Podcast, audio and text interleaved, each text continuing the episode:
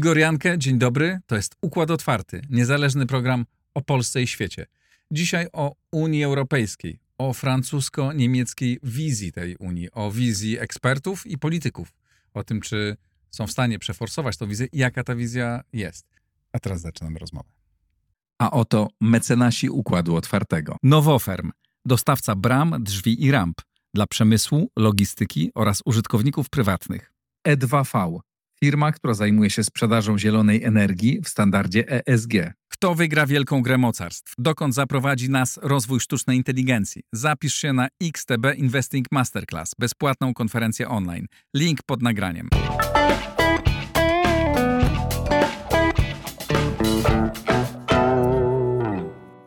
Jolanta Szymańska, koordynatorka programu Unia Europejska w Polskim Instytucie Spraw Międzynarodowych, jest z nami. Dzień dobry. Dzień dobry, witam serdecznie. Y, powstał raport francusko-niemieckiej grupy e, ekspertów e, o, o tej przewidywanej reformie Unii Europejskiej. Proszę powiedzieć, jakby, co w tym raporcie jest?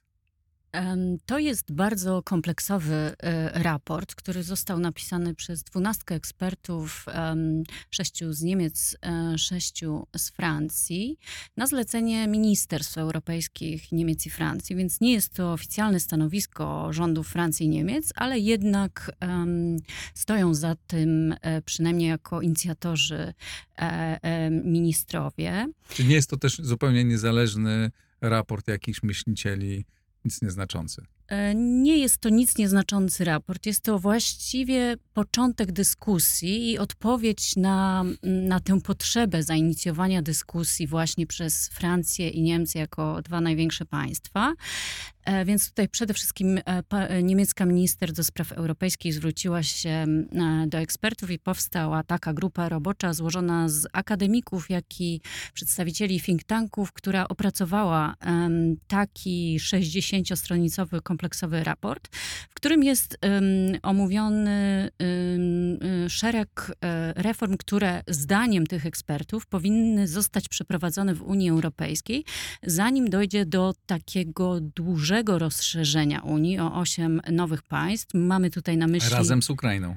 Razem z Ukrainą mamy przede wszystkim e, właśnie na myśli e, państwa Bałkanów Zachodnich plus Ukrainę i Mołdawię. Co do Gruzji, to jest jeszcze taki znak zapytania, ale na pewno Mołdawia i Ukraina są już brane e, pod uwagę.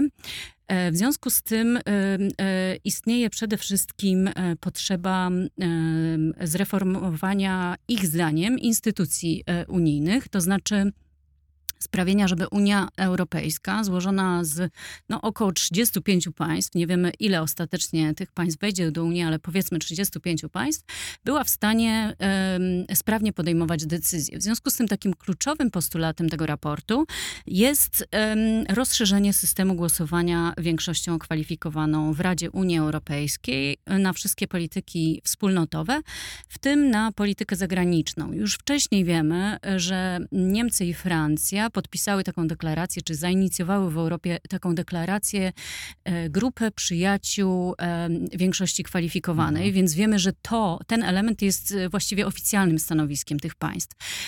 No i wokół tego analitycy próbują rozwinąć jeszcze szereg innych propozycji, jak choćby na przykład zmianę samej metody obliczania kwalifikowanej większości. Właśnie, chciałem to zapytać, co to znaczy większość kwalifikowana w tym przypadku?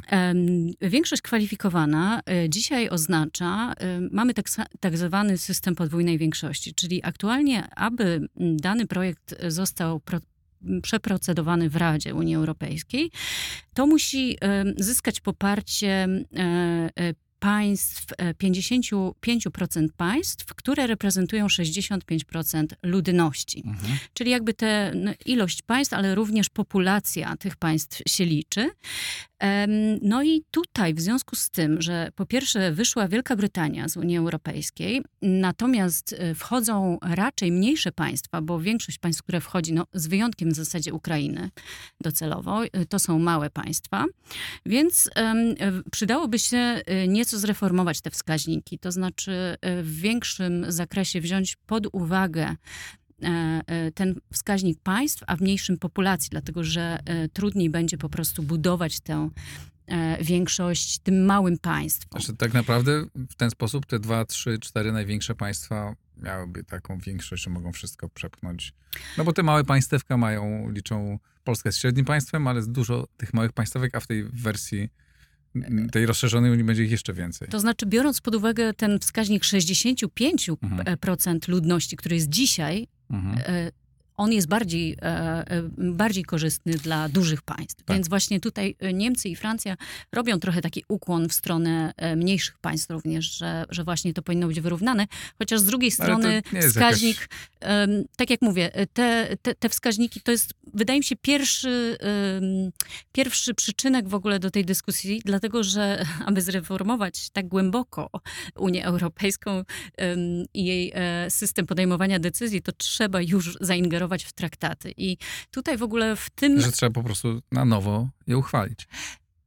Tak, chociaż e, tutaj w tym raporcie e, pojawia się e, sześć możliwości, które analizują eksperci. Mhm. Od takiej preferowanej przez nich e, e, opcji, czyli głębokiej reformy traktatowej, czyli zwołania konwentu i tak naprawdę skonsumowania również tych wieloletnich dyskusji o przyszłości Unii Europejskiej, które były toczone przez ostatnie lata, czyli uwzględnienie właśnie wielu postulatów obywatelskich e, konferencji, czyli jakby rozpoczęcie tej dyskusji całej e, wszystkich państw członkowskich o tym, jaka to powinna być Unia, aż po podpisanie nowego zupełnie traktatu.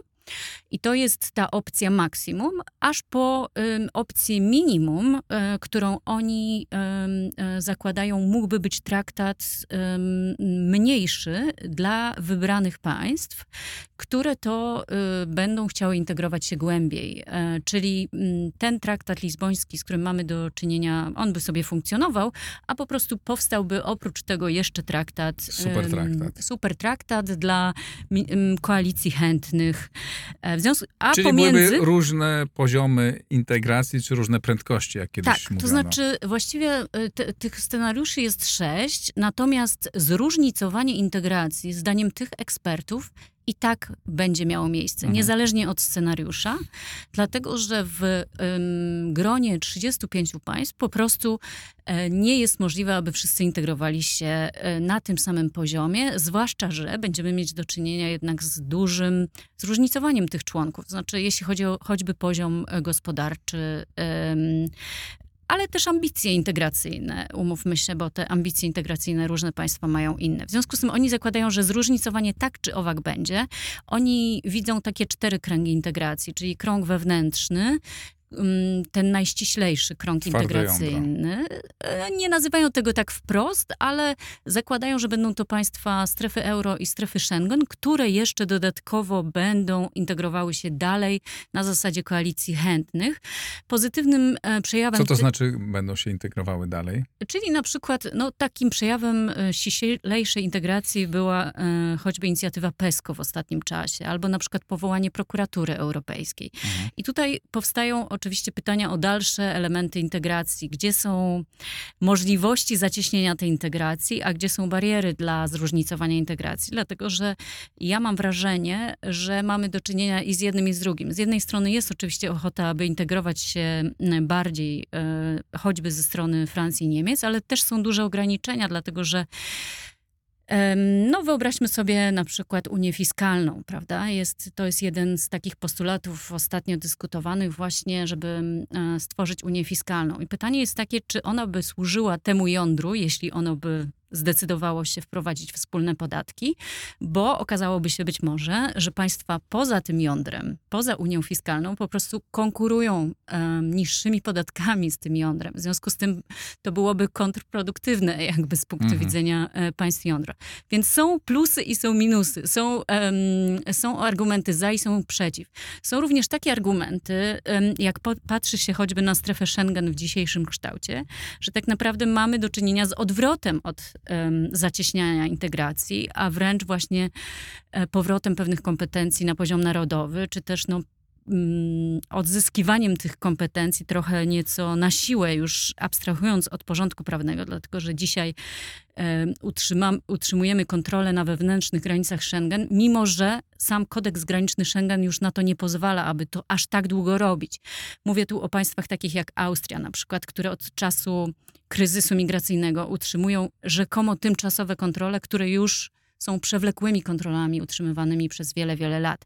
W związku z tym mamy do czynienia z, no, z pewnym też kryzysem um, tych, tego zróżnicowania.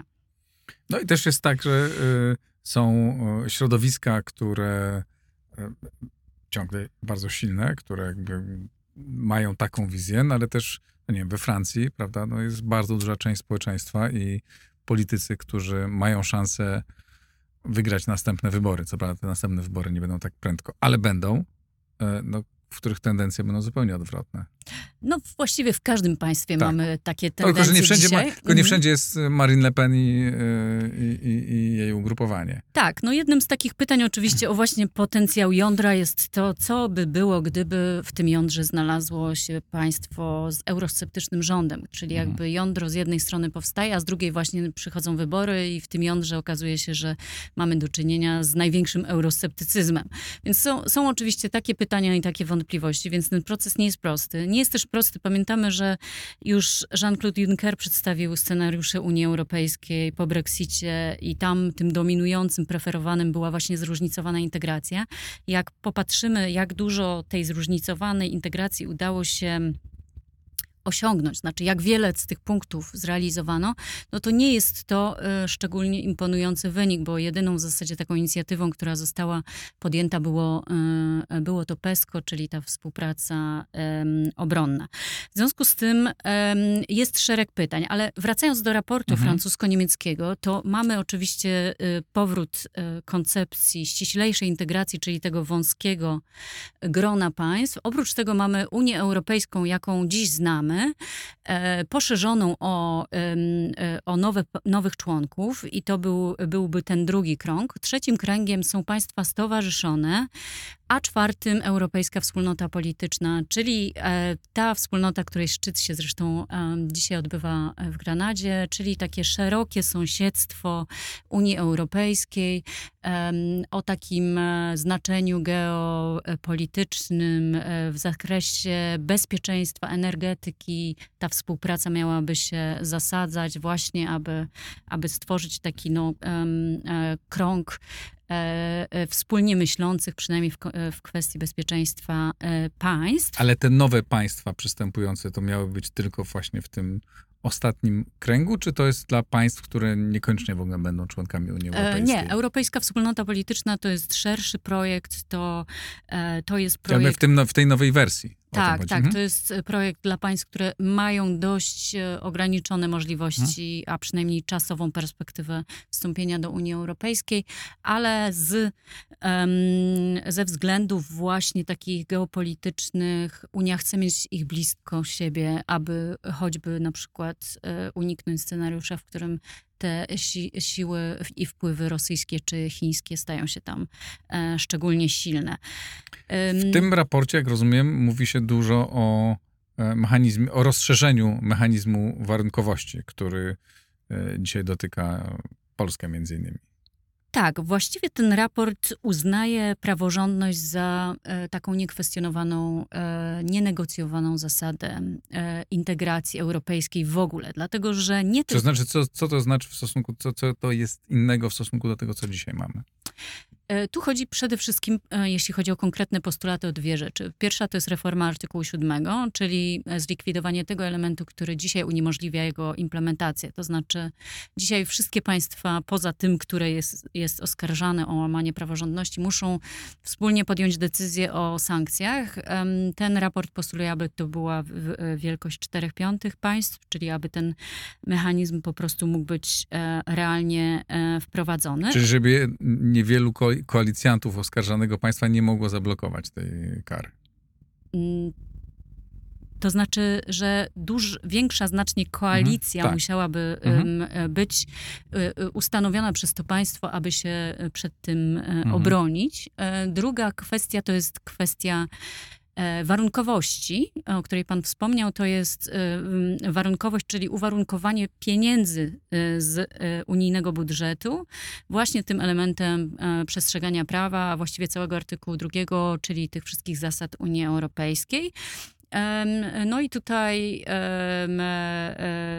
no tutaj wiemy, że po prostu no, chodzi o egzekwowanie takie finansowe łamania prawa. Warto powiedzieć, że w tym raporcie e, praworządność nie ogranicza się do terytorium Unii Europejskiej, czyli do tego drugiego kręgu. Według e, autorów ona powinna być również istotnym elementem właśnie w procedurze rozszerzenia Unii Europejskiej.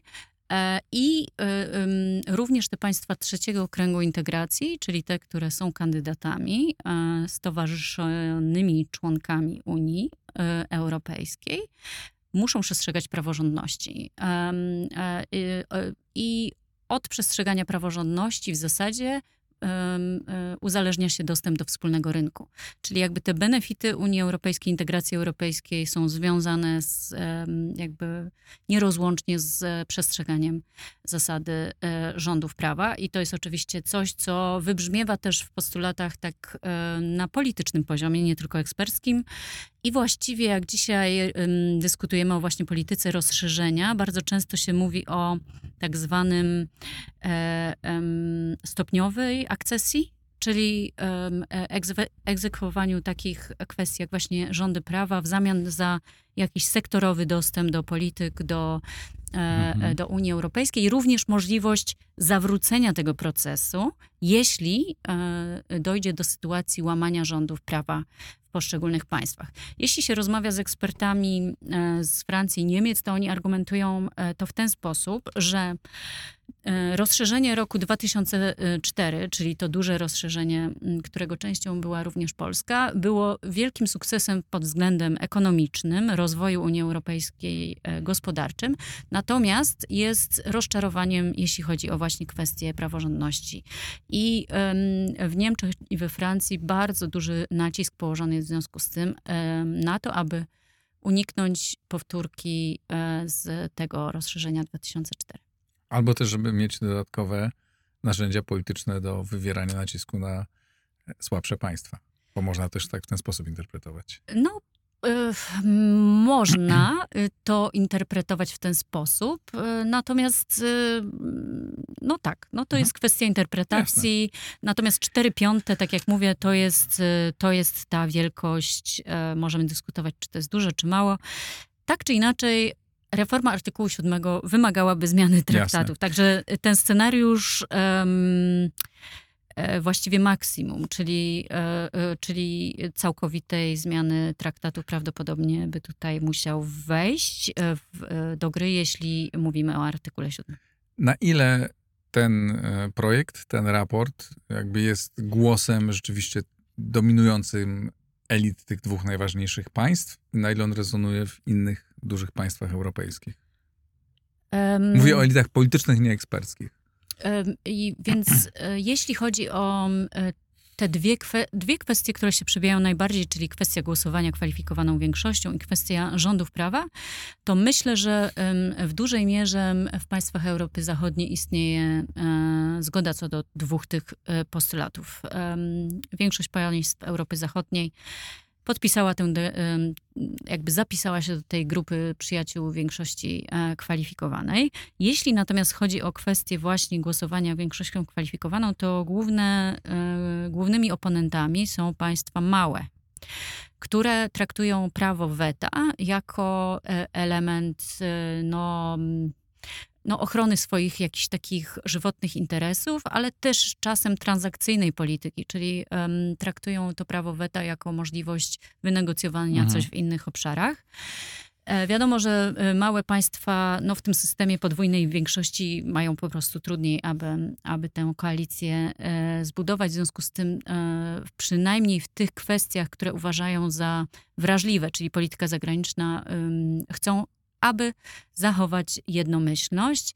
Tutaj też y, w głosach ekspertów zachodnioeuropejskich też się pojawiają takie mm, sygnały i takie argumenty, że trudno na przykład sobie wyobrazić, że y, Grecja zostałaby przegłosowana kwalifikowaną większością y, w sprawie, która dotyczy relacji Unia-Turcja że no, są pewne sprawy tak. E, żywotne e, dla tego właśnie państwa, gdzie nie można po prostu um, uznać, że można to państwo przegłosować. Po prostu nie.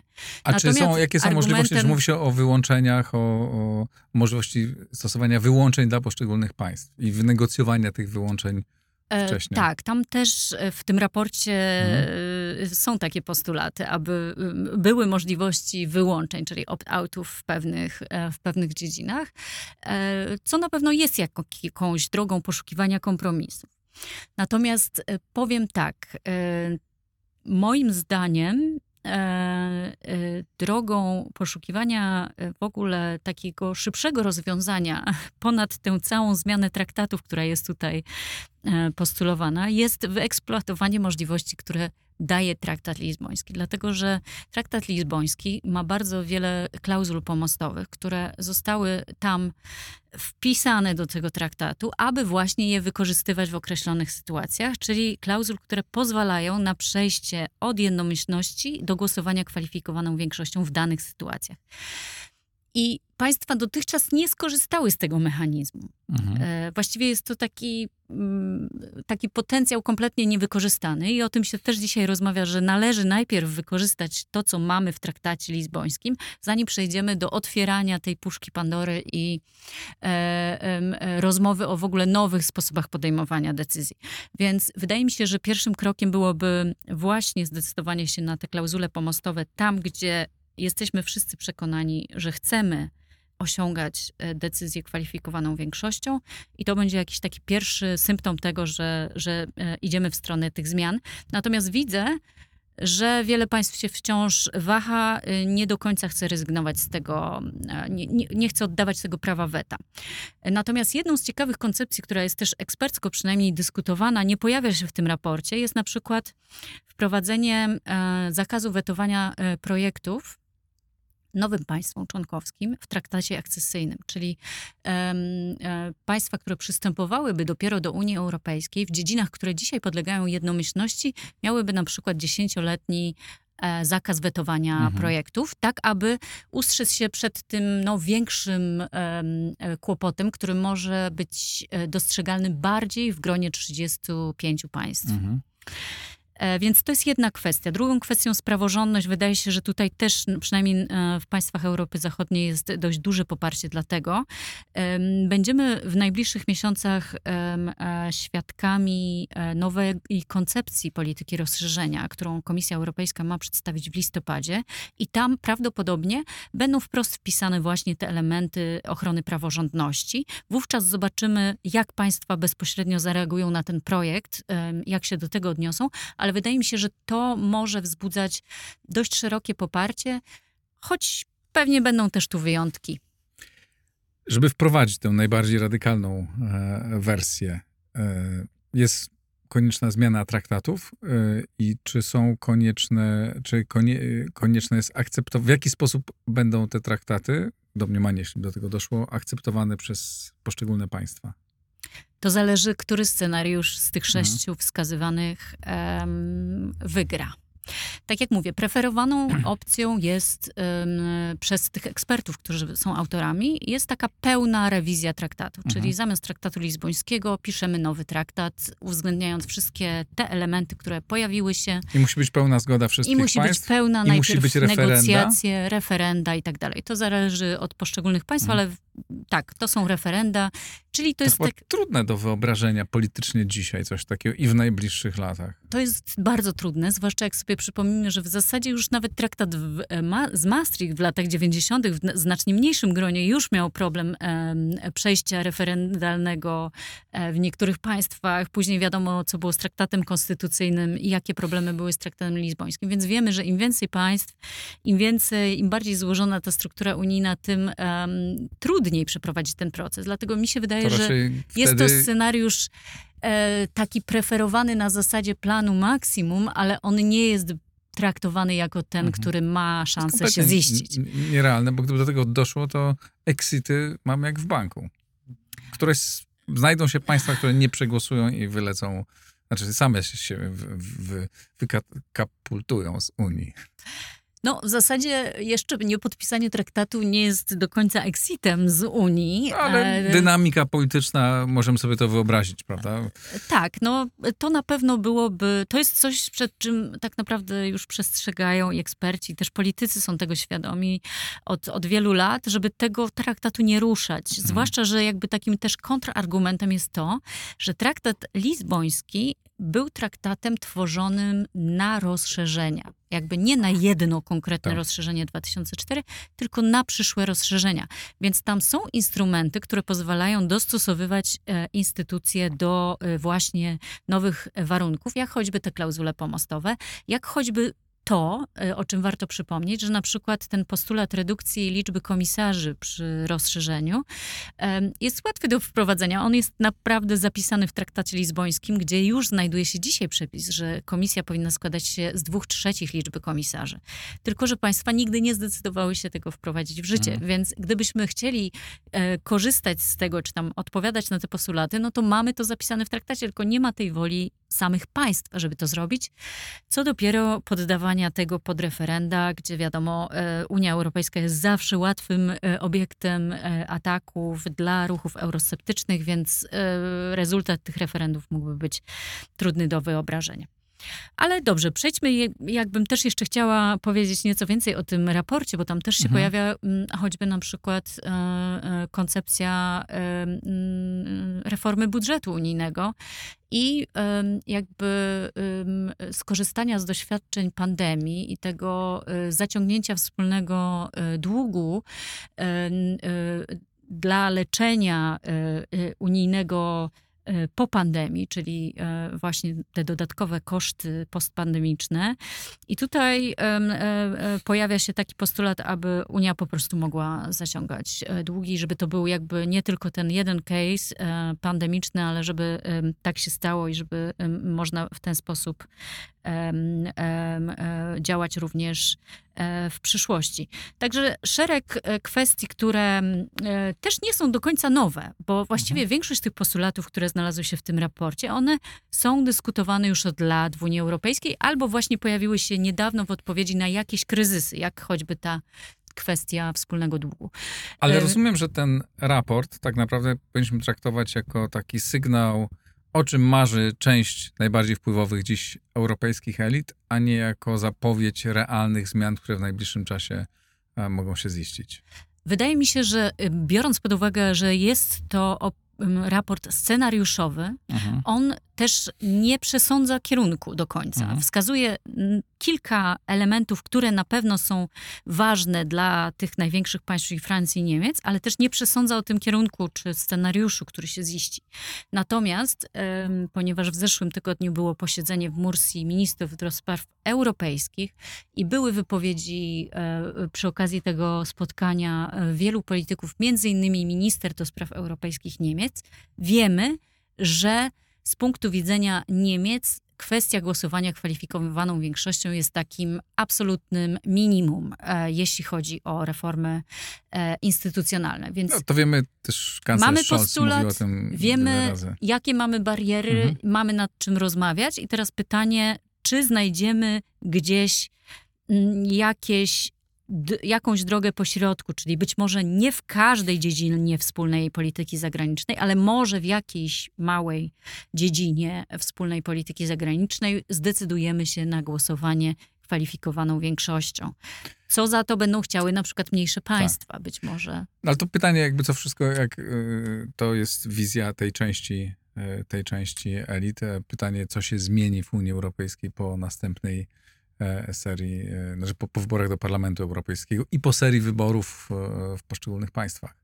To będzie miało zasadniczy wpływ na to. To będzie miało wpływ. Jeśli miałabym zgadywać, to e, będziemy jednak próbowali właśnie e, zastanowić się nad możliwościami wykorzystania traktatu lizbońskiego, ale też właśnie zmianą polityki rozszerzenia, tak aby e, wymagać nieco więcej niż dotychczas od państw przystępujących Mhm. do Unii Europejskiej, jednocześnie dając coś w zamian, tak aby te państwa miały sygnał z Unii Europejskiej w postaci zachęty do tego, że warto się starać o akcesję, choć czasem e, jest ona wciąż daleką wizją, bo na przykład toczy się konflikt na e, terytorium danego państwa, choćby w przypadku Ukrainy. Także mm, takich zmian się możemy spodziewać. Bardzo dziękuję. Jolanta Szymańska, doktor Jolanta Szymańska, koordynatorka programu Unii Europejskiej w Polskim Instytucie Spraw Międzynarodowych. Bardzo pani dziękuję. Dziękuję serdecznie. To wszystko na dzisiaj. Napiszcie Państwo, co o tym sądzicie. I e, lajkujcie, subskrybujcie Układ Otwarty i słuchajcie innych rozmów. Przypominam, codziennie od poniedziałku do piątku jest Układ Poranny, serwis informacyjny przez nas przygotowywany, w którym nie mówimy prawie o polskiej polityce. Dziękuję bardzo. Do zobaczenia, do usłyszenia.